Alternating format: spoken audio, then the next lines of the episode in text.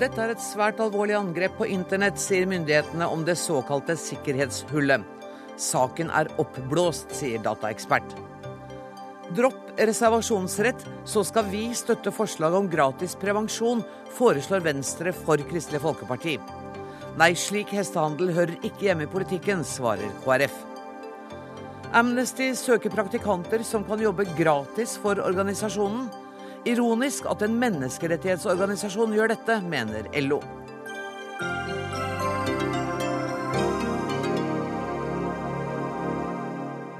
Dette er Dagsnytt 18 denne torsdagen, der vi også skal høre at Fremskrittspartiets ungdom nå sier nei til EU. Men vi starter med en sak som har skapt eh, litt røre det siste døgnet. I går ble det kjent at flere hundre tusen nettsider kan være rammet av den største sikkerhetsglippen i internetthistorien. Og dermed ble det full forvirring. Skulle vi bytte alle passordene våre, eller vente på beskjed fra tjenesteleverandøren? Kommunikasjonsdirektør Mona Strøm Arnøy i Nasjonal sikkerhetsmyndighet, vi har invitert deg hit for å rydde opp litt for oss i dag, vi. Hva skal jeg som bruker gjøre? Du som bruker skal eh, sitte rolig og vente til du får beskjed fra din tjenesteleverandør hva vedkommende eller virksomhet anbefaler deg å gjøre.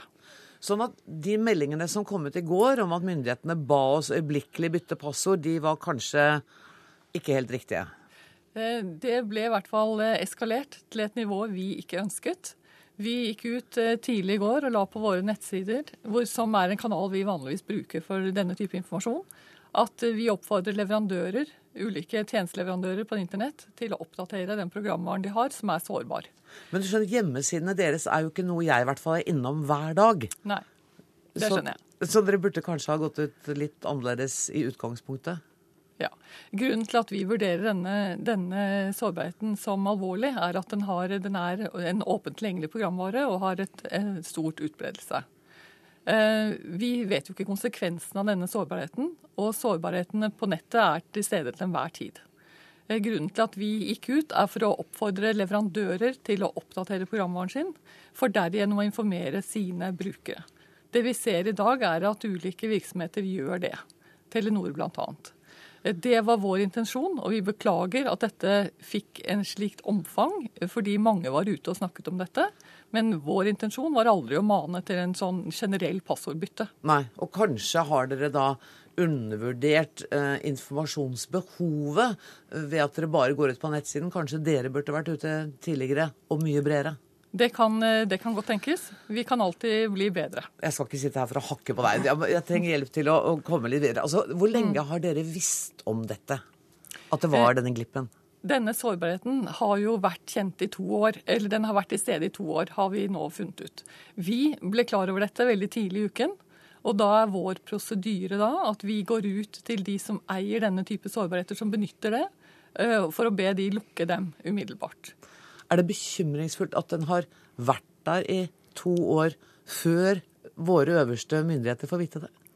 Sånn er det til enhver tid, tror jeg. Nå er jeg kommunikasjonsperson og ikke tekniker. Men, eh, men jeg, det er sårbarheter på nettet til enhver tid eh, som vi ikke kjenner til. Når de blir oppdaget, så er jo de som har onde hensikter, har jo da et vindu for å måte, utnytte denne sårbarheten. Og de som har gode hensikter, må jo gjøre hva de kan for å lukke de så fort som mulig. Justisministeren sier en uttalelse som ligger på departementets hjemmeside, at han tar denne saken svært alvorlig og har innkalt til møte med sikkerhetsmyndighetene. Hva, hva går det an å gjøre for å hindre at dette skal skje igjen?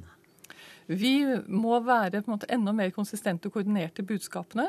Eh, møtet, Hva betyr det sånn eh, konkret? Det møtet har vært, som justisministeren omtaler, som vi har hatt det tidligere i dag. Og det er klart at Når vi ser hvordan saken eskalerer og måte, hvilken eh, sprengkraft det viser seg å ha, så må vi jo gå tilbake og se ok, hvordan kan vi som koordinerer, som på en måte normalt har en dialog, Difi og Norsis f.eks., som er for å nevne to aktører. Si hva de heter med fullt navn ja, også. Norsis er Norsk senter for informasjonssikkerhet, og Difi er Direktoratet for IKT og forvaltning. Eh, vi må koordinere oss eh, enda bedre. Vi var koordinert, vi må gjøre det enda bedre og komme med ett konsistent budskap og holde oss til det, slik at ikke forbrukerne blir til de grader forvirret som de nå åpenbart har blitt. Ja, for du har inntrykk av den forvirringen du, og det var ikke bare meg som følte den i går? Nei, den, eh, nei absolutt ikke. Den eskalerte utover kvelden, og vi forsøkte å dempe dette, men eh, uten særlig hell, åpenbart. Sigmund Hovmoen, du underviser i datasikkerhet ved Norges informasjonsteknologiske høgskole. Hvordan oppfattet du denne saken? Nei, jeg syns det ble ropt og skreket altfor mye. Jeg må si jeg syntes eh, synd i fru Olsen på Grünerløkka, som nettopp har kjøpt seg PC og vært på kurs og, og, og Nei, prøve å nærme seg verktøyet her. Bruke nettbank og litt forskjellig. Ikke bare fru Olsen på Grella, fru Grosvold på Majorstua òg, Det var det også. mange som andre vanskelig. Det også. Men det, et, men det, lå jo et alvor i de uh, intervjuene som ble gitt, som var litt foruroligende. Jo, men nå, ja, vi som jobber med programmering, vi sier det at den siste feilen i et dataprogram, den blir aldri funnet. Altså. Og det må vi bare leve med. Jeg har levd med det i aldri så mange år. Det vi trenger her, er en slags datasektorens Per Fugelli, altså, som sier at det kommer til å gå bra, det her. Det kommer til å gå bra. Feilen har eksistert siden 2011, og det har gått bra. Verden står, og han kommer til å stå de neste 20 åra Ganske sikkert. Du påtar deg å være dataverdenens Per Fugelli og berolige oss litt. Ja. Men mener du at, eh, at eh, Nasjonal sikkerhetsmyndighet og justisministeren overdriver når de sier at dette tar vi på det dypeste alvor? De gjør jo ikke det, men det er mange måter også å varsle på. Det blir å skreke så forferdelig opp. Og til og med eh, når jeg var her i huset tidligere i dag, så var det jo folk altså, som vurderte å ta seg fri fra jobb for å dra hjem og så skifte passordene sine. Det var jo ren oppbruddsstemning i huset, i ditt eget hus. har du bytta passord, forresten? Nei. Du har ikke gjort Men du, det, jo, det går jo mange konspirasjonsteorier.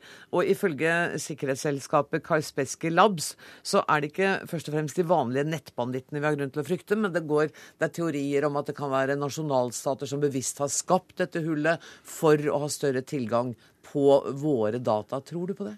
Nei, gjør ikke det. er mange slags konspirasjonsteorier. Elvis Presley skal visstnok også leve fortsatt.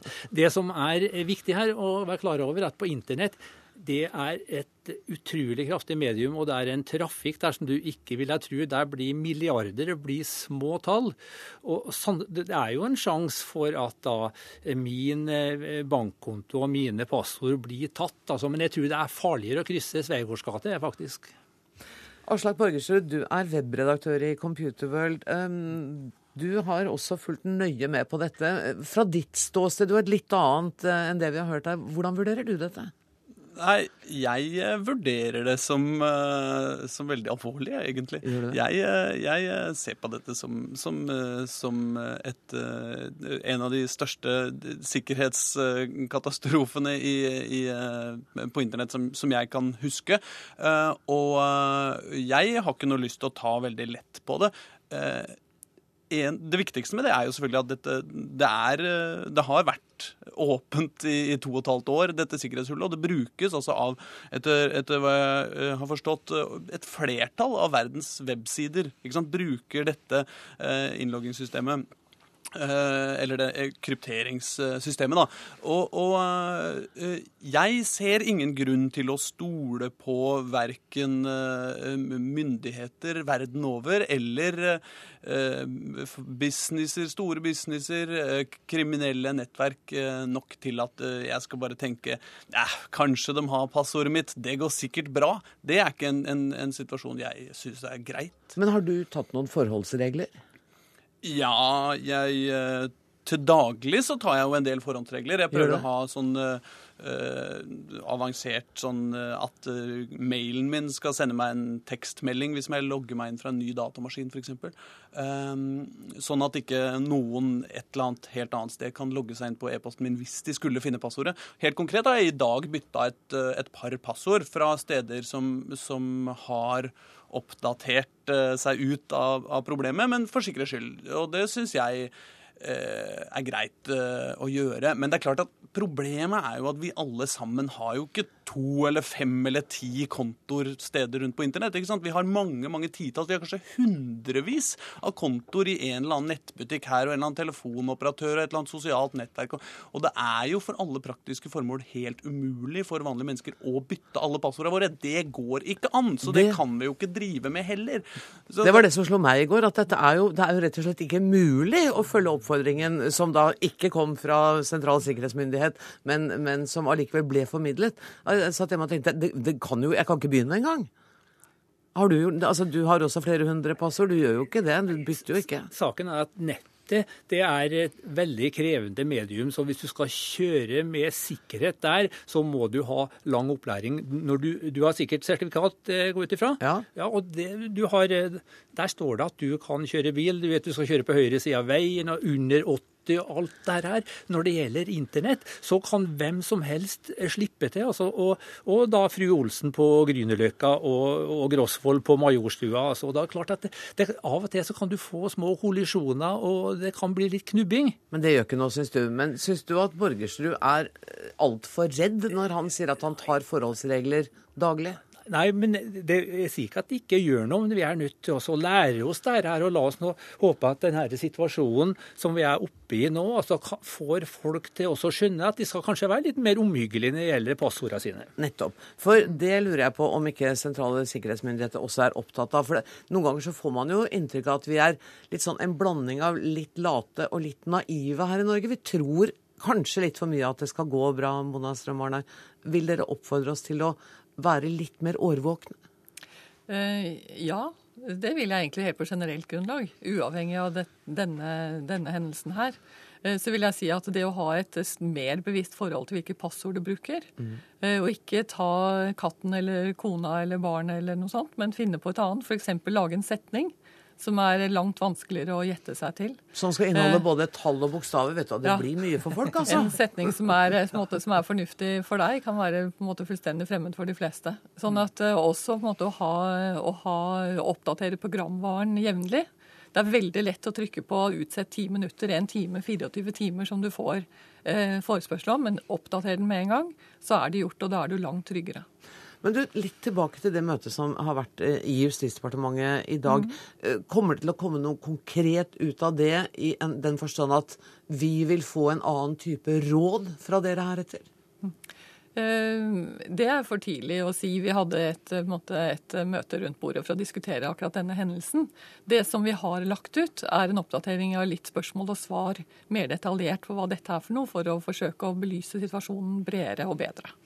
det du, ligger ute. Ja, for nå hørte du Sigmund Holmoen si at den ja. siste eh, det siste hullet på nettet har mm. vi ikke, kommer vi aldri til å oppleve. Det kommer til å skje igjen og igjen og igjen. og igjen. Ja. Var beredskapen litt dårlig hos dere på dette her?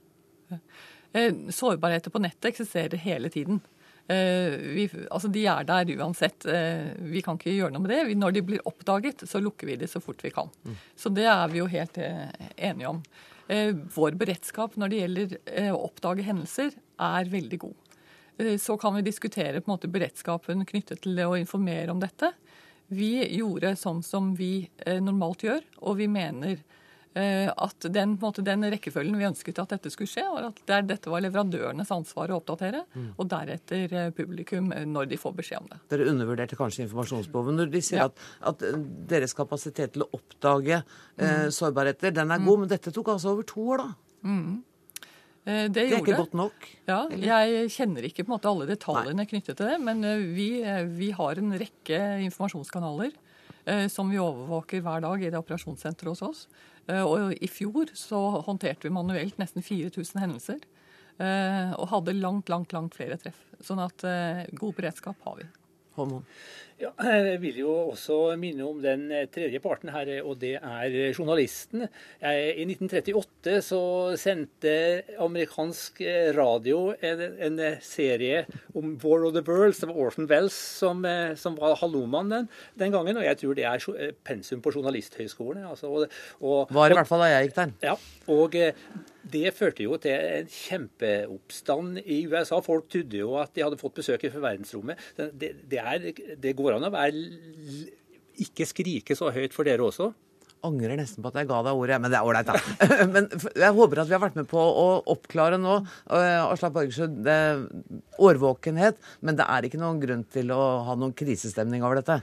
Nei, eh, men eh, absolutt å, å, å tenke sjøl på datasikkerhet. Altså, Internett er et eh, Man skal være bevisst på datasikkerhet. Og da syns jeg jo også at de siste dagers debatt om datalagringsdirektivet f.eks. bør gi oss et hint om at det er viktig å tenke sjøl, og ikke overlate all tenking om dette til norske myndigheter heller.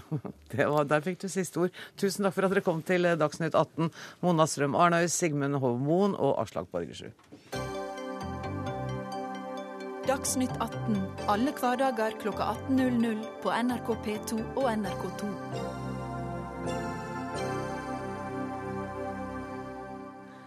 Neste sak skal jeg begynne med et sitat. Som praktikant i Amnesty International vil du være med på å gjøre en forskjell, samtidig som du vil få relevant jobberfaring. Slik starter nemlig utlysningen hvor organisasjonen søker etter ubetalte webjournalister. Arbeidet er fulltid, men det spesifiseres at også kortere arbeidstid kan diskuteres. Amnesty er ikke alene blant norske organisasjoner om å tilby ulønnede stillinger, spesielt rettet mot nyutdannede. Rune Bukten, du er rådgiver for LO-student og elevmedlemskap, og dere er ganske kritiske til denne ordningen. Hvorfor det? Ja, nei, jo, Som du begynner med innledningsvis her, så er det jo snakk om uh, ulønna arbeid. Uh, og det er viktig at uh, man har med seg det, at det er en forskjell på det å drive frivillig arbeid og det å drive arbeid i en frivillig organisasjon. Når det er sagt, så vil jeg jo bare si det at LO har veldig stor respekt for den jobben Amnesty International gjør. Og vi syns det er viktig at de overvåker samfunn, ivaretar menneskerettigheter og opplyser offentligheten om det. Men i Norge så er det sånn at arbeidsmiljøloven den må gjelde for alle, uavhengig av hvor, hvilket ideal den organisasjonen har eh, eller ikke. Jon Peder Egenes, generalsekretær i Amnesty International i Norge. Eh, dere har allerede forandret eh, denne teksten, eh, så jeg, gjort i dag? Ja, ja. Nei, altså det er jo helt åpenbart at vi har gjort noen feil her. Og det innser vi, og innrømmer jeg mer enn gjerne. Um, det vi er ute etter altså Vi har, vi har på en måte to typer unnskyld, uh, som ikke får lønn, som jobber hos oss. Det er de som er praktikanter, i den forstand at de er utplassert av et uh, lærested osv. De er praktikanter. Uh, og så har vi frivillige. Uh, og det er folk som ønsker å donere noe av tiden sin til Amnesty. det er noe annet. Og så har vi gjort en annen feil, og det er at vi har antydet at vi først og fremst og nærmest bare er ute etter folk som kan jobbe på full tid. For det er vi ikke. Og de aller færreste av de frivillige hos oss eh, er der på full tid. Så de, det er folk som kommer til oss etter at vi har gjort oppmerksom på gjennom en annonse at vi er interessert i det, og sier at vi kunne tenke oss å jobbe frivillig for dere uh, i en kortere eller lengre periode. Uh, den perioden blir selvfølgelig ikke bestemt i den betydningen at Unnskyld, jeg er litt forkjøla. I den betydningen at Eh, hvis de kommer dagen etter eller måneden etter og sier nå har jeg fått meg en jobb, eller nå vil jeg, dette var ikke helt det jeg hadde tenkt meg, så nå vil jeg dra videre, så kan de selvfølgelig gjøre det. Eh, så de er frivillige hos oss eh, og jobber med forskjellige oppgaver. Men nå syns jeg du sauser sammen begrepene igjen. For det er forskjell på å være frivillig og være ansatt som praktikant. Ja. Det dere søker etter, er praktikanter. Ja, det er, det, det er der jeg innrømmer at ja. vi har gjort en feil. Jeg vil bare gni det inn, skjønner ja, det, så godt som vi har, vi har gjort en feil. Hvor lenge har den feilen stått der? Hvor lenge ja, har dere holdt på med dette? Det har sikkert vært et par år. Men, men poenget er at innholdet i det de gjør, det vil ikke endre seg spesielt. Fordi at eh, om du donerer tiden din til å skrive artikler til eh, websiden vår, eller du donerer tiden til å arrangere møter og stå på stand og gjøre den typen ting, det, det kommer de til å fortsette å gjøre. Og det vil jeg insistere på at vi syns er en, en, viktig del av det tilbudet og den jobben vi gjør. Um, sånn at uh, de som er praktikanter, de er praktikanter. De kommer fra journalisthøgskolen eller andre steder og er praktikanter. De frivillige er frivillige. Men det som også er viktig å si i denne sammenhengen, er at vi tar inn det antall frivillige som vi klarer å gi meningsfylte oppgaver, og som vi klarer å følge opp på skikkelig vis. Eh, og Det er også en viktig del av dette. Vi, vi tilbyr folk å være frivillige i noen sekunder hver måned ved å sende en SMS og underskrive en liste, helt opp til folk som vil være frivillige på, på full tid. Det er greit. Eh, men det, men det er jo også ferdig utdannede mennesker som i hvert fall vurderer, som jeg har snakket med, som vurderer sterkt å gå inn på en sånn praktikantordning, men som ikke gjør det fordi at den da er ulønna. Og dere er jo ikke den eneste organisasjonen som gjør det. Det er jo flere frivillige organisasjoner. Samtidig så har jo dere et lønnsbudsjett på 30 millioner. Hadde det ikke vært riktigere å lønne de helt ferdig utdannede journalistene ja, altså, i praktikantperioden? Poenget er at vi har et antall ansatte, 42 i tallet. Eh, og med de 42 så kan vi i Amnesty Norge eh, løse de planene vi legger, og levere det, det, vi har lagt i planene våre. Så har vi noen frivillige som kommer i tillegg, som gjør at vi kan gjøre mer. Eh, men er, det er helt åpenbart at vi kan ikke betale det med den økonomien vi har nå. Så enten så kan de gi oss tiden sin og evnene sine og kunnskapen sin gratis og, og, få det de ønsker ut av det. Eller så kan vi ikke ha dem der, og da løser vi den jobben Eh, allikevel med det lønnede personalet. Så det er, det er, på en måte en, en utvidelse av dette frivillighetsbegrepet som går fra SMS-aktivisten via gruppene våre og til de som ønsker å være frivillige på kontoret vårt, og som får meningsfylte oppgaver som mange av dem mener de lærer mye av osv. Er dette bare snakk om bruk av ordbukten, eller har de er det liksom greit når man kaller det frivillige istedenfor praktikanter? Ehm, jeg tror det er litt viktig å prøve å se det her altså, i, i, sammenheng med uh, internasjonale tendenser. fordi at det her har jo vært uh, tradisjon i USA i mange, mange år. Uh, bruken av praktikanter og traineeship nå har blitt vedtatt av EU-kommisjonen skal være en del av løsninga for å få ungdom ut av arbeidsledighet. Og Så er det jo tid å skru fokuset til Norge. Lav arbeidsledighetsgrad godt utdanningssystem og en arbeidsmiljølov som gir den enkelte uh, arbeidstaker krav på opplæring, men også som gir arbeidsgiver en fleksibilitet på opptil seks måneder for å vurdere om man er skikka til jobben. Så for den som ønsker å ha på en måte det her vervene, eller ønsker å få ekstra kompetansen, så er det viktig å ha med seg det også, av at man har faktisk rett på opplæring. og Eh, det man, organisasjonene har gjort her i Norge, man har på en måte importert det litt. Man har tatt, litt, tatt til seg den kulturen her. Mm. Men den er nok unødvendig eh, i Norge, og det er derfor det er litt beklagelig at det er frivillige organisasjoner, eller i hvert fall organisasjoner som Amnesty, som er med å presse på den prosessen der. Uh, men de presser altså ikke lenger. De har men, men, jeg er også helt uenig i at de presser på noen prosess, eller for så vidt har gjort det noen gang. For dette det er jo folk som kommer til oss fordi de ønsker å donere, gi noe av sin tid og sine evner og sin kunnskap til oss. Uh, og så er det jo et spenn av hvem de er. Det er, det er, noen som kommer til oss og sier vet du hva, jeg er på leiting etter jobb. Eh, mens jeg leiter etter jobb, kunne jeg godt tenke meg å, å, være aktiv hos dere på denne måten. Og så sier vi ja, selvfølgelig, og så hvis det passer, og vi har kapasitet til å følge dem opp osv. Og, så og så får de jobb dagen etter, så går de selvfølgelig i den jobben. Og så er det andre som tar en pause i studiene sine og har lyst til å gjøre noe annet en periode, og så gjør de det samme. Så, jeg, det er på en måte ikke, opplever jeg, et press på arbeidslivet. Det som er et poeng derimot i forhold til arbeidslivet, det er at veldig mange av de som er i en arbeidssøkerprosess. Eh, de kommer til oss og sier kan vi få være frivillige hos dere, for når jeg skal søke jobb, så sier de ja, men du har jo ingen relevant erfaring, så du kan ikke få noen jobb. Eh, og hvis du ikke får noen jobb, så får du heller ikke noen relevant erfaring. Så, så sånn sett hjelper vi også folk ut i jobb. Og det er jo et poeng. Ja, eh, det er et poeng. Men det er litt viktig å stille seg et spørsmål om altså, hvem er det som blir rekruttert inn i det her. Hvem er det som har tid og eh, økonomien til å jobbe frivillig åtte etter fire? Det er ikke mange. Det sjiktet man rekrutterer derifra, det er ganske lite.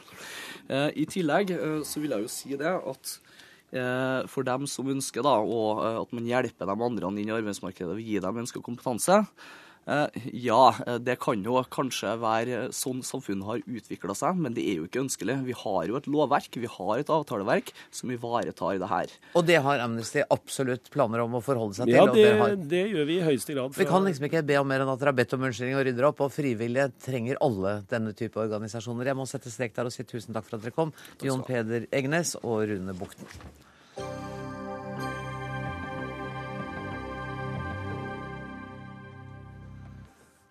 Kan sykehus, fergeforbindelser, småflyplasser legges ned for å finansiere en ny og bedre vei? Politikerne klarer altfor sjelden å tenke helhetlige løsninger innenfor sektorpolitikken. Og sitat Det sitter langt inne å være den første som setter døren på gløtt for at eksisterende tilbud kan legges ned. Sitat slutt. Det er du som skriver det i Dagens Næringsliv i dag, Erik Landstein. Tidligere statssekretær, nå påtroppende administrerende direktør i Norges Skogeierforbund. Hva er det du etterlyser i den politiske tankegangen? Nei, Det er jo slik at uh, vi mange steder i landet uh, har en situasjon hvor uh, man kanskje hvis man brukte en del av de pengene man uh, sparte på f.eks. å kanskje legge ned en flyplass, uh, kunne få frigjort penger til å bygge en vei som gjorde at uh, det gikk raskere å kjøre til naboflyplassen. og så fikk man da både ny vei og kanskje samlet sett et bedre flytilbud. Men det vi ser er at lokalpolitikerne de stoler jo ikke helt på rikspolitikerne. Så de tør ikke alltid å si at nei, dette kan vi være villige til å se på, for de er redd for at da legitimerer det eh, en allerede utsatt liten flyplass. Og Derfor så har jeg i kronikken min nevnt eksempelet oppe i Narvik. Mm. Hvor, Som er en solskinns, solskinnshistorie. Ja, det er det. Og det er eh, dessverre litt for få av dem. Men det vi gjorde der, var at eh, vi satte oss ned med lokalpolitikerne. Og så sa vi at Eller de sa at vi kan være villige til å legge ned vår flyplass. Eh, og så sa vi ja, vi lover at vi skal ikke gjøre noe med den flyplassen før en ny bro står ferdig. Og nå er denne brua, som eh, koster i underkant av 3 milliarder, i ferd med å reise seg. Og resultatet er jo at eh, ikke bare Narvik, men hele regionen samlet sett vil få et veldig mye bedre eh, tilbud. Da vil Framnes flyplass Narvik, i Narvik bli nedlagt. Ja. Og så vil man måtte bruke flyplassen På Evenes. Og da er det jo slik at man samler flytrafikken på, eh, fra to flyplasser på én flyplass. Og da blir det grunnlag for flere ruter, høyere frekvens eh, og lavere pris. Eh, og så er det slik at i tillegg til det, så er det jo slik at de folkene som bor i Narvik, eh, i større grad, fordi veien er blitt så mye kortere, også kan eh, benytte seg av eh, både jobbmuligheter og ulike for ulike tilbud som finnes litt lenger nord for byen. Politisk så hører du helt klart til Senterpartiet. Det var den du var statssekretær for. Og det partiet er jo ikke kjent for å legge ned eh, distriktstilbud. Er dette også en kritikk av ditt eget parti? Nei, altså eh, dette er mer en utfordring som alle politikere sitter med. Og hvis man ser opp gjennom historien, så er det ikke slik at eh, andre politiske avskygninger har klart dette i, i større grad. Eh, men det som er nytt nå, det er jo at eh, vi har økt samferdselsbudsjettene formidabelt. Eh, og det gjør at altså det er en dobling i løpet av den regjeringsperioden. Altså Liv Signe Navarsete er jo den politikeren, altså etter tyskerne var her, som har gjort mest for å få fart på bygging av både vei og jernbane. Og det gjør at nå, er, nå har Ketil Solvik-Olsen en pengekasse som det er viktig at han bruker eh, eh, klokt, sånn at han kan bygge tillit hos lokalpolitikere og utløse nettopp denne typen strukturendring. Er du villig til det, samferdselsminister Ketil Solvik-Olsen? Jeg syns det er veldig mye klokt i det som blir sagt her fra Landstein. Eh, og vi skal òg gi honnør til foregående regjering for at eh, bevilgningene til vei og jernbane ble økt betydelig de siste årene. Den eh, økningen har vi fortsatt med. Når vi overtok, så økte vi bevilgningene ytterligere 2 milliarder kroner på et bra økning fra, fra de rød-grønne. Og vi har sagt at vi skal både innfri den nasjonale transportplanen som er framlagt, men vi skal òg gjøre ting i tillegg. fordi det er utrolig viktig å ha god infrastruktur i samfunnet. Vi har nå Det er litt interessant å høre dette, fordi det som blir sagt her er veldig smart. Vi bør se ting i en helhet. Se hvordan kan du bygge bedre vei, jernbane og flyplasser eh, i en helhet. Der du gjerne der du hadde behov for mange små flyplasser før, når du hadde dårlige veier og gjerne tok tre timer å komme seg fra ei bygd til ei annen, så kan du bygge motorvei der du gjerne får et bedre tilbud for de som bor der, med at de kan kjøre raskere til flyplassen og få et bedre flytilbud. Nå har ikke vi konkludert på noe av dette. Mitt mål når vi gjør denne jobben med neste Nasjonal transportplan, er at folk skal få et bedre reisetilbud totalt sett når vi gjør ting. Vi skal ikke legge ned en flyplass bare for å bli kvitt den, men du skal gjøre det fordi du har gjort andre men det, Men det er jo nettopp det Landstein sier, og det er det jeg har lyst til å gå litt lenger inn på. Ja. Fordi at, Er det med dere i den politiske debatten hele tiden at når vi nå styrker infrastrukturen, så kan det hende at vi ikke har behov for absolutt alle de småsykehusene eller absolutt alle de småflyplassene. Er det en del som er med dere? Det er jo det Landstein etterlyser. Altså, når jeg ser på det, så ser jeg på det som handler om samferdselsinfrastruktur. Så må vi selvsagt òg diskutere ting med helsevesen og andre, men det naturlige for meg er å snakke om samferdsel. Og det å se hvordan du kan investere maksimalt med de skattebetalernes penger vi har å bruke, så du ikke på en måte bygger masse parallelle ting, eh, ting som blir overflødige, og der måte, hver mann sitter og beskytter sin tue.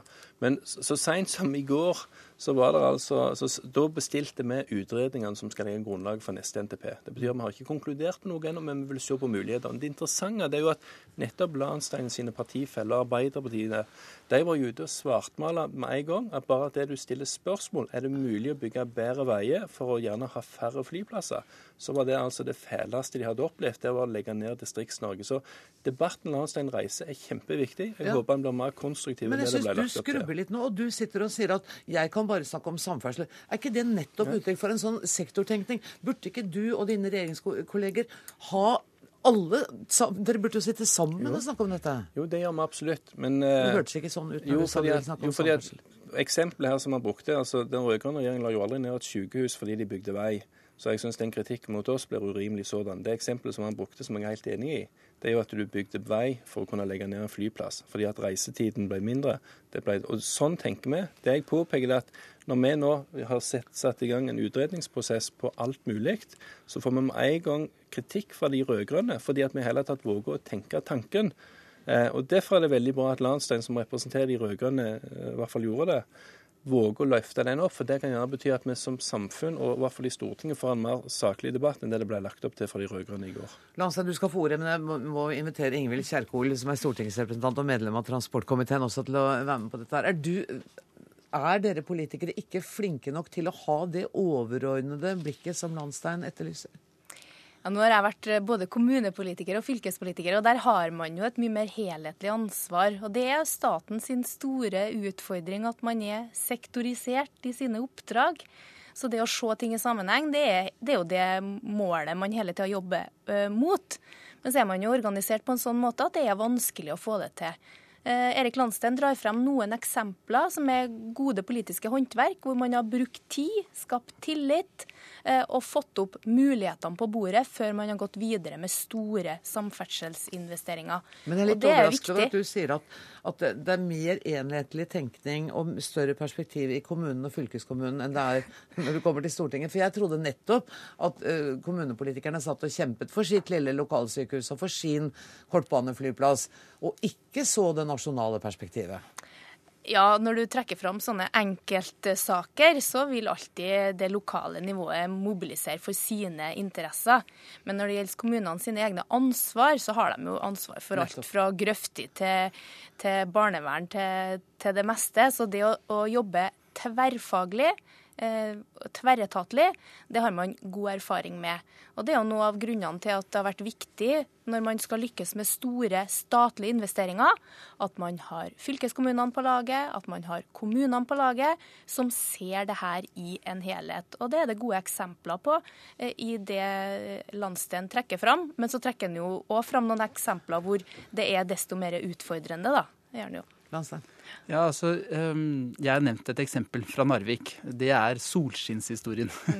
men, men jeg tror nok at, uh, at jeg vil si at det er veldig sjelden vi ser at kommuner, men også fylker, tør å gå til sentrale myndigheter og si vi kan være villige til å uh, se på strukturendringer, fordi dette er veldig kontroversielle spørsmål i lokalsamfunn, og fordi man er redd for at man ved å si at dette kan vi i det hele tatt tenke på, at man legitimerer en endringsprosess der man kanskje ikke får igjen i andre enden det, det gode som man gjerne skulle ha. Og det, det som vil være min utfordring til samferdselsministeren, fordi jeg syns han eh, Jeg ønsker egentlig å hjelpe denne mannen. Eh, Han, eh, han er en meget dyktig samferdselsminister. Det er at han, han vokter seg vel for å, å bevege seg innenfor helseministerens område. Men, men det er nettopp et uttrykk for, for den, den sektoriserte staten. Eh, Tilsvarende så er det slik at hvis man gir etatene i, oppdrag å se på strukturendringer, så vil jo Avinor de vil, kunne argumentere for at eh, de, kan, de kan godt legge ned en flyplass, for de vil gjerne samle trafikken, selvfølgelig. Men, men uten å være altfor diskré indiskré på prosessen som gikk forrige gang, så er det nok slik at eh, Avinor Vær litt indiskret, Ja, ja, ok, vi kan være det. Avinor de har masse investeringsprosjekter. De syns jo at når de eh, klarer å kutte kostnader, kostnader i eget system, da burde de få bruke disse pengene uh, andre steder, på andre flyplasser som også trenger investeringer. Men så er mitt poeng at hvis man her bruker, skal vi si, istedenfor å bruke etater og utredninger, men viser litt klokskap og litt politisk lederskap, eh, så er nok mulighetene til å få til endringer større enn hvis man eh, sender ut eh, skal vi si, generelle oppdragsbrev som i sin form kanskje er egnet til å skape litt uro i en del lokalsamfunn. Men eh, Der føler jeg egentlig at du bekrefter at den strategien vi har lagt oss på, er den rette. Fordi at vi har sendt ut en del utredningskrav der vi faktisk stiller kontroversielle spørsmål. Nemlig er det mulig å legge ned flyplasser hvis en bygger bedre veier. Det fikk vi umiddelbart kritikk for fra Arbeiderpartiet og Senterpartiet når vi gjorde. Men, Men jeg- blås i det nå, Men, ja, men, jeg mener det er viktig, og det er derfor dette blir litt problematisk når du utfordrer meg på sykehus. Når jeg bare ser på den konflikten som er innenfor mitt sektoransvar, fra eh, mange partier i, Stortinget, så vil det være enda mer komplisert hvis du begynner å dra inn skole og helsevesen. Men vi er i gang med en reformarbeid. Vi, vi ser på hvordan vi kan få på plass et veiinvesteringsselskap for å kunne bygge ut større veistrekninger. Det var noe den forrige regjeringen advarte imot. Vi prøver å gjennomføre det. Vi, prøver, vi gjennomfører nå en jernbanereform for å se på mer konkurranse om jernbanen for å gi et bedre tilbud. Møter massiv kritikk fra forrige regjering, men vi mener det er viktig for å se på større jernbaneprosjekt. Og vi ser på hvordan Vegvesenet og jernbane, Jernbaneverket kan jobbe sammen. Når vi nå sier at vi skal ha Ringeriksbanen som en del av intercitystrekningene rundt Oslo, så har vi òg gitt beskjed om Vegvesenet. Sett dere ned med jernbanen, se hvordan dere kan gjennomføre dette prosjektet sammen, som får bedre vei til Hønefoss og bedre jernbane. Da får vi masse kritikk fra andre fordi at nei, du må enten tenke vei eller jernbane. Vi mener det er mulig å tenke begge deler, for du kan spare penger i utbyggingsprosessen. Statsråd, bare for å rydde opp i en misforståelse. Jeg mente ikke å utfordre deg på eh, helsespørsmål, men jeg bare tenkte, hadde en sånn håp om at vi i denne uh, samtalen her skulle se litt på hvordan er det vi løser det. Så det var ikke noe angrep på deg. Nei, sånn men, og, jeg, og, jeg, og jeg ser òg at bygger du bedre infrastruktur, så kan du gjøre noe med, med strukturen i helsevesenet. Helt åpenbart. Og jeg tror veldig mange vil sette pris på å få et bedre kvalitativt helsevesen eh, hvis vi òg sørger for bedre veier. Men noen plasser, og spesielt fordi at en vet hva mistenksomheter er, så tror jeg at mange av de prosessene, i hvert fall på kort sikt, hjelpes ut ved at du først bygger veien, og så diskuterer du helsevesenet. Kjerkol. Ja, Når det gjelder eh, mistenksomhet og, og, og det at man kanskje ikke tillegger politiske motstandere de beste hensikter alltid, så har det en annen bakgrunn hva gjelder flyplassstruktur. Det handler jo rett og slett om at eh, Fremskrittspartiet tidligere har vært veldig tydelige på at de ønsker å finansiere småflyplassene små på en annen måte.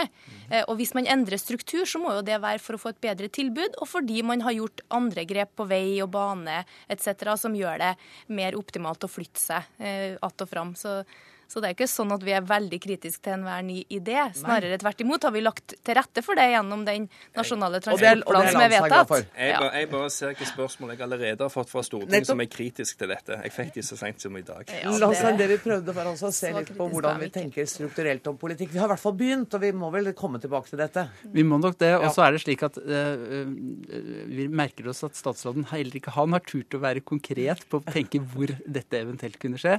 Og jeg håper at, at det så fø- langt er det ikke kommet ennå. Nei, men det jeg tenker er at det, det er viktig at uh, han viser at de lokalsamfunnene som tør å gå inn i den typen prosessen, prosesser, ikke blir straffet, men at man får konkrete eh, løfter om å få ja, Det ble siste ord. Jeg beklager, statsråd. Vi er langt I Lofoten er vi i gang med dette. Tusen takk for at dere kom. Takk til Erik Landstein, Ingvild Kjerkol og til Ketil Solvik-Olsen.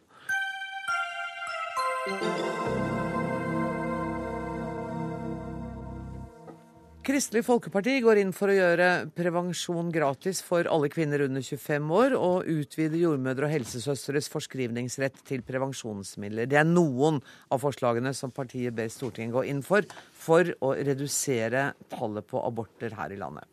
Nå tilbyr Venstre å støtte Kristelig Folkeparti mot eh, at partiet gir opp reservasjonsmuligheten for leger. Det skrev Dagsavisen i dag. Helsepolitisk talsperson for Venstre, Kjetil Kjenseth. Hvorfor stiller dere en sånn betingelse for å støtte forslaget om gratis prevensjon? Det er ikke et ultimatum, men eh, vi syns at det er et godt tilbud. eh, Og at det vil bli eh, en vinn-vinn-situasjon for de fire partiene, og ikke minst for, for norske kvinner, som får et totalt sett atskillig bedre tilbud. Hva får deg til å tro at Kristelig Folkeparti vil gi opp reservasjonsmuligheten? Jeg tror at det kan ligge store muligheter eh, framover eh, ved å ikke ha en, en, sånn belastende sak som det har eh, blitt, eh, reservasjonsretten. Og at vi som fire partier som skal lede landet, får bedre muligheter uten å ha med oss den saken i bagasjen. Helsepolitisk talsperson for Kristelig Folkeparti, Olaug Bollestad, du har sagt tidligere i dag at dette er en hestehandel som du syns er uakseptabel. Ja, fordi at eh, reservasjonsmuligheten er en samvittighetssak som er langt større enn òg å henvise til abort. Det gjelder liv-død-spørsmål. Og det er en viktig prinsipiell sak i et liberalt demokrati. Sånn at KrF ønsker å lufte denne saken utover det som òg gjelder til, til, henvisning til abort. Sånn at for KrF så er dette en så viktig prinsipiell sak at det er ikke en sak jeg bytter mot liksom å si at det da, i forhold til abortforebyggende tiltak. For det er òg en kjempeviktig sak for KrF. For det er faktisk sånn at alle partier på Stortinget har vært enige om at vi har for høyt aborttall, så viser alle internasjonale og nasjonale undersøkelser at der vi har lett tilgang i forhold til, til prevensjon, der går aborttallene ned. Hvis vi sammenligner oss med enten eh, Nederland eller med Danmark, så ser vi de konsekvensene. Og da tenker vi at det må vi ta inn over oss. Og så har det vært viktig for oss å si at det fra 16 til 19 så har vi hatt delvis gratis prevensjon fram til i dag, men ikke på de langtidsvirkende prevensjonen, så der har det vært en egenandel så viser det at tallet har gått ned. Så ønsker vi å utvide den.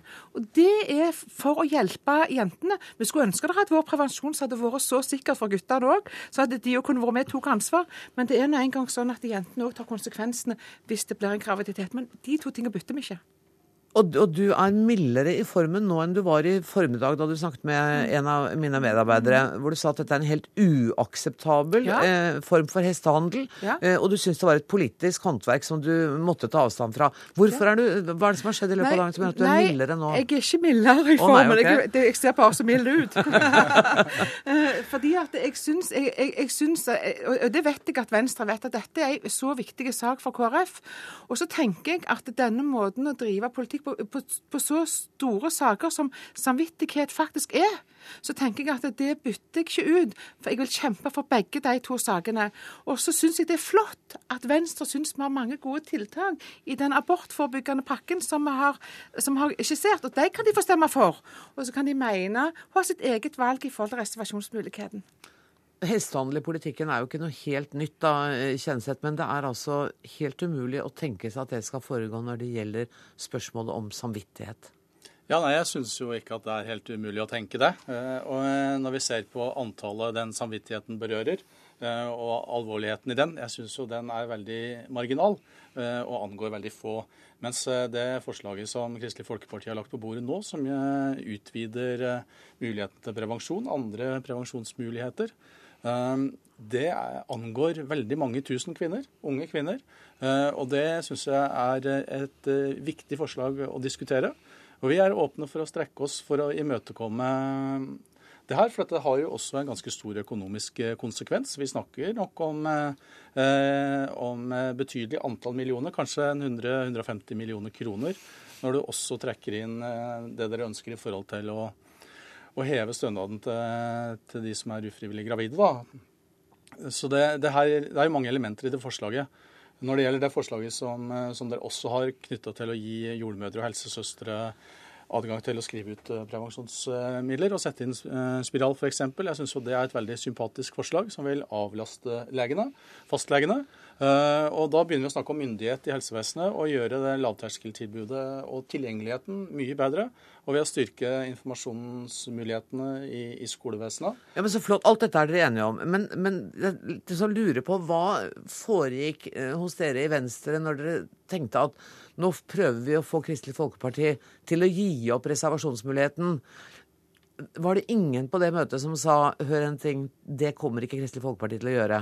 Det er, Vi eh, legger jo på bordet eh, en mulighet eh, til å inngå et, et, en ny avtale. Men dere visste at det aldri kom til å bli et ja fra Kristelig Folkeparti på det? Vi, jeg oppfatter ikke at vi har fått et endelig nei. Har de, har de, fått et endelig nei? De har fått et endelig nei. Okay.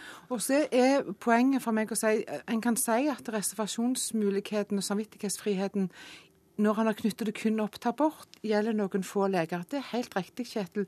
Men det er sånn at hvis vi lufter samvittighetsfrihet som en prinsipiell sak, så er det en mye større sak som vil gjelde veldig mange andre i veldig mange andre spørsmål. Og Derfor er det viktig for KrF å holde på denne saken.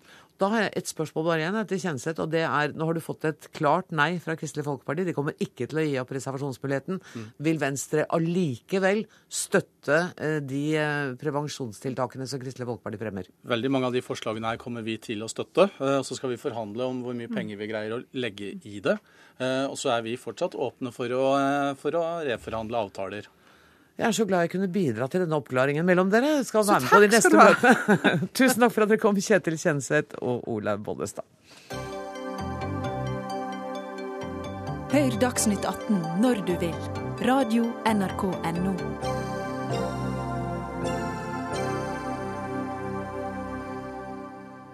De siste ukene har det kommet foruroligende meldinger om at det svært dødelige ebolaviruset har spredd seg til flere land i Afrika. Det er særlig Guinea og Liberia som er rammet, og hittil er om lag 100 mennesker døde av sykdommen. Overlege ved Nasjonalt folkehelseinstitutt Tone Brun. Eh, har, man kan lett bli litt skremt av disse eh, overskriftene, så jeg har invitert deg for å fortelle meg litt hva slags sykdom er dette? Eh, jo, det er jo, en, eh, det er jo en svært alvorlig sykdom. Det er jo det. Det er et virus som eh, smitter eh, det, smitter eh, det, smitter fra dyr. Eh, det er litt usikkerhet hvor det holder seg, dette viruset, mellom disse utbruddene som kommer fra tid til annen. Men sannsynligvis tror man at det er i flaggermus, i jungelen, i flere områder i Afrika. Og så smitter det da på en eller annen måte mennesker, og så sprer det seg fra menneske til menneske. Men smitter det? Når du sier at smitten kommer fra dyr til mennesker, så tenker man svineinfluensa og fugleinfluensa. Er det, er det like smittefarlig som det? Nei, det er nok eh, Jeg ser jo noen steder det står at det er et av mest en av verdens mest smittsomme sykdommer, og det er det ikke. Ehm, men det er, jo, det er jo smittsomt, det er det. Men det smitter eh, først og fremst ved nær kontakt med syke personer, eller deres blod eller eh, andre kroppsvæsker. Eh, erfaringen fra tidligere utbrudd og dette utbruddet viser at det er først og fremst nærkontakter, familie som steller syke, eller helsepersonell som ikke har brukt tilstrekkelig beskyttelsesutstyr det er de som blir smittet og blir syke. Så hvis man da, som i Norge ville vært naturlig, bruke munnbind, hansker, ordentlig, hatt en skikkelig hygiene og vært forberedt, så ville smittefaren vært radikalt redusert. Absolutt. Helsepersonell som bruker godt eh, beskyttelsesutstyr, eh, de blir eh, ikke smittet i praksis. Eh, hvor stor vurderer du faren for at dette utbruddet også kommer til å komme til Europa? Det er veldig lite sannsynlig. Det har jo vært et tjuetalls utbrudd eh, opp igjennom de siste 30 åra. Et tjuetalls? Ja, det har det siden 1976. Da var det første kjente utbruddet av ebolasykdom. Uh, I Zaire, eller det som nå heter Demokratisk republikk Kongo. Uh, og det har vært et tjuetalls utbrudd av ebola faktisk etter det. Men uh, erfaringer viser at uh, disse utbruddene Det har bare vært i Afrika, og de har holdt seg i Afrika. Og det er jo fordi det må såpass nær kontakt til for å bli smittet. Man kan jo tenke seg at det kan komme et og annet tilfelle til Europa, for det er jo Altså, det går jo direkte fly, og det tar jo litt tid man, altså fra man blir smittet til man blir syk. Hvor lang tid da? Nei, Vanligvis fra sånn ja, fire til ti dager, men det kan gå opp til tre uker, faktisk. Finnes det behandling for denne sykdommen? Nei, det finnes ingen spesifikk behandling. Ikke noe antivirale medisiner. Um, det gjør det ikke. Så det er bare symptomatisk behandling. Man behandler av dehydrering og symptomer som man får. Og det er heller ingen vaksine. Det er det ikke. Og det forskes selvfølgelig på dette her, men man har ikke klart å finne noe som hjelper. Og dødeligheten er veldig høy. Ja, dødeligheten er eh, I dette utbruddet så ser det ut som den er sånn cirka litt over 60% Og det er jo så det er jo ikke rart at folk er bekymret, og at det er litt oppsus rundt det. Det er det ikke. Det er, ja, det er fra 50 til opp til 90% dødelighet av dette, denne typen virus. Verdens helseorganisasjon overvåker dette. Jeg går ut fra at dere får Er det ukentlige rapporter? Er det Ja, Vi får i grunnen daglige stort sett rapporter nå. Vi har jo gode sånne internasjonale varslingsnettverk som eh, Eh, og vi får da daglige varsler stort sett om dette her, med oppdaterte tall og hvor, hvor tilfellene er. Og, hmm. Hvordan er tonen i de rapportene fra Verdens helseorganisasjon? Er det bekymring? Er det, har man kontroll? Hva sier de? Det er jo bekymring, det er det. For det er stadig meldt om flere tilfeller. Men samtidig så tror man at man kommer til å få kontroll med det. Og det er færre tilfeller som meldes nå de siste dagene. Og det er jo massive tiltak som gjøres der nede. Det er det. Uh, og nå er jo ikke Guinea og Liberia store turistnasjoner for Norge, men det har heller ikke kommet noen reiseråd fra Utenriksdepartementet? Sånn Nei, ikke noen sånn fraråding av reise. Det er det ikke. Men dere kommer til å fortsette å følge med, men du sier at det nå kommer det er noen færre tilfeller per dag nå mm, i det mm. siste? Ja da, det ser sånn ut. Men uh, ikke sant? Det tar jo litt tid å diagnostisere tilfellene og sånt nå, og vi regner med at det kommer til å I og med at det er såpass lang inkubasjonstid altså til man blir syk, så kommer det nok til å komme en god del flere tilfeller. Så det er et stort utbrudd, dette. Det er det. Tusen takk for at du kom til Dagsnytt 18, overlege Tone Brun ved Nasjonalt folkehelseinstitutt.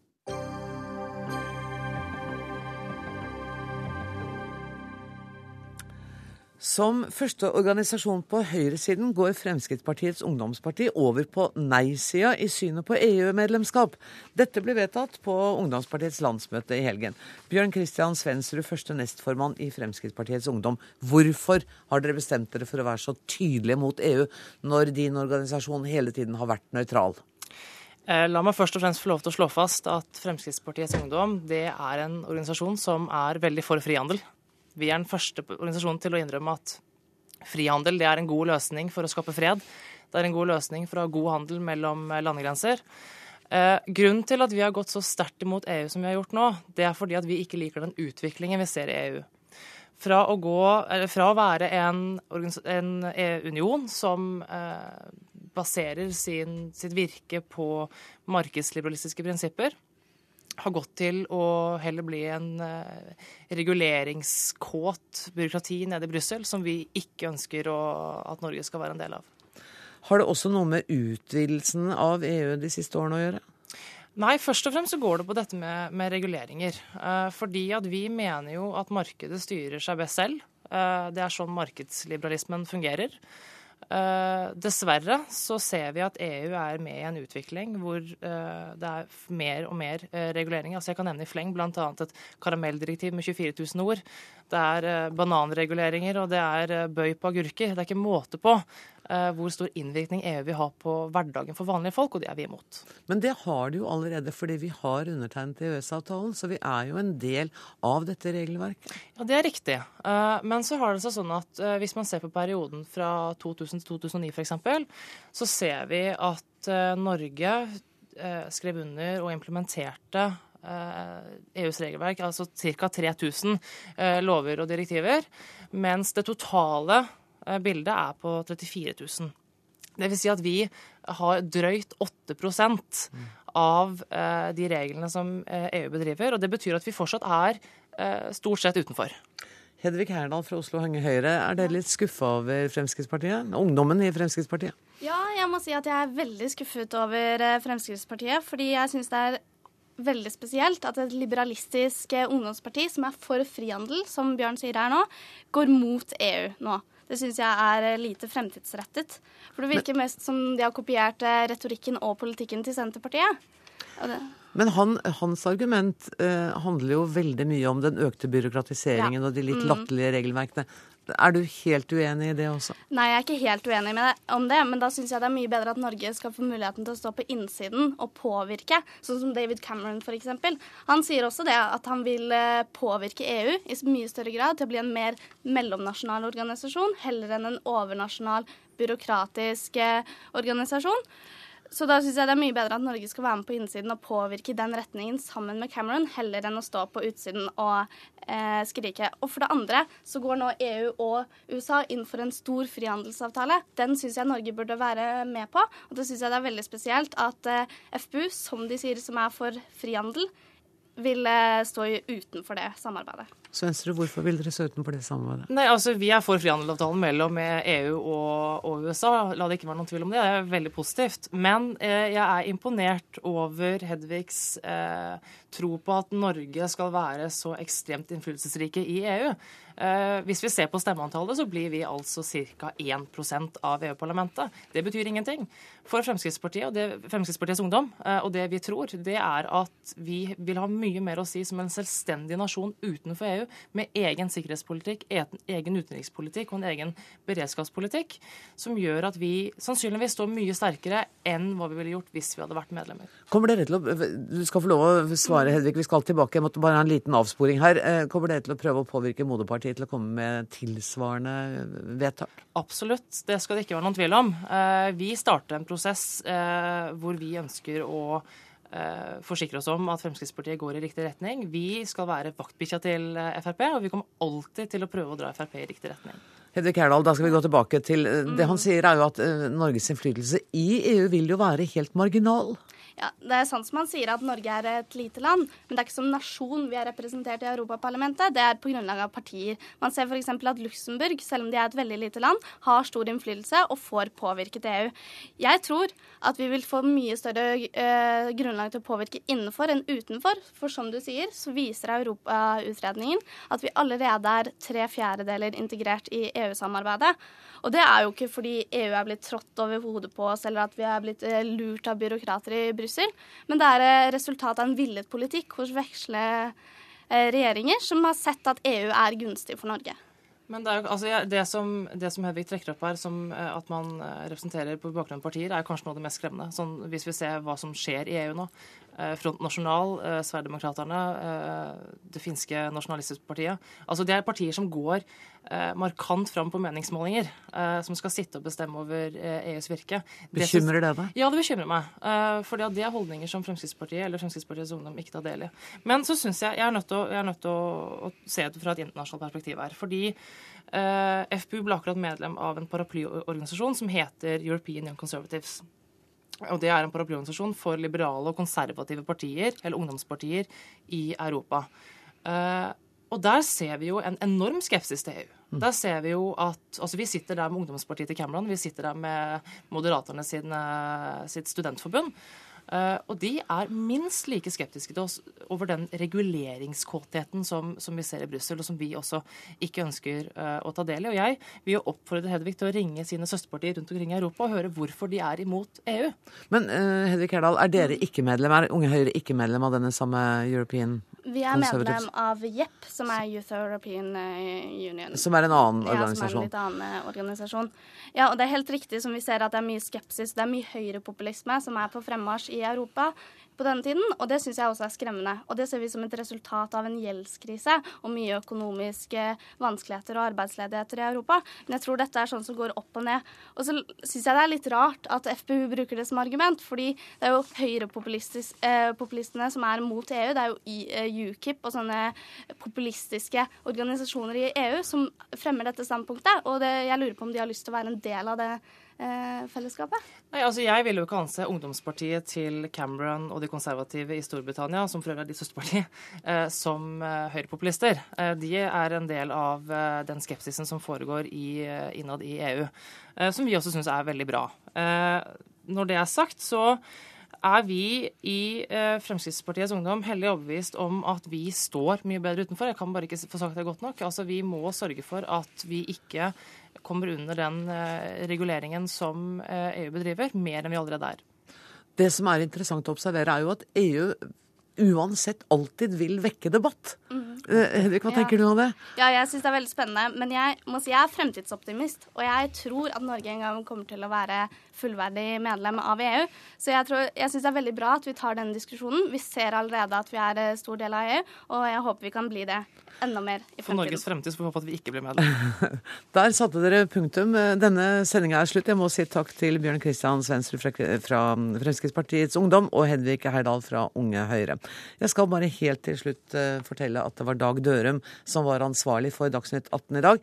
Det tekniske ansvaret har Karl Johan Rimstad. Jeg heter Anne Grosvold, og vi høres i morgen. Takk for nå.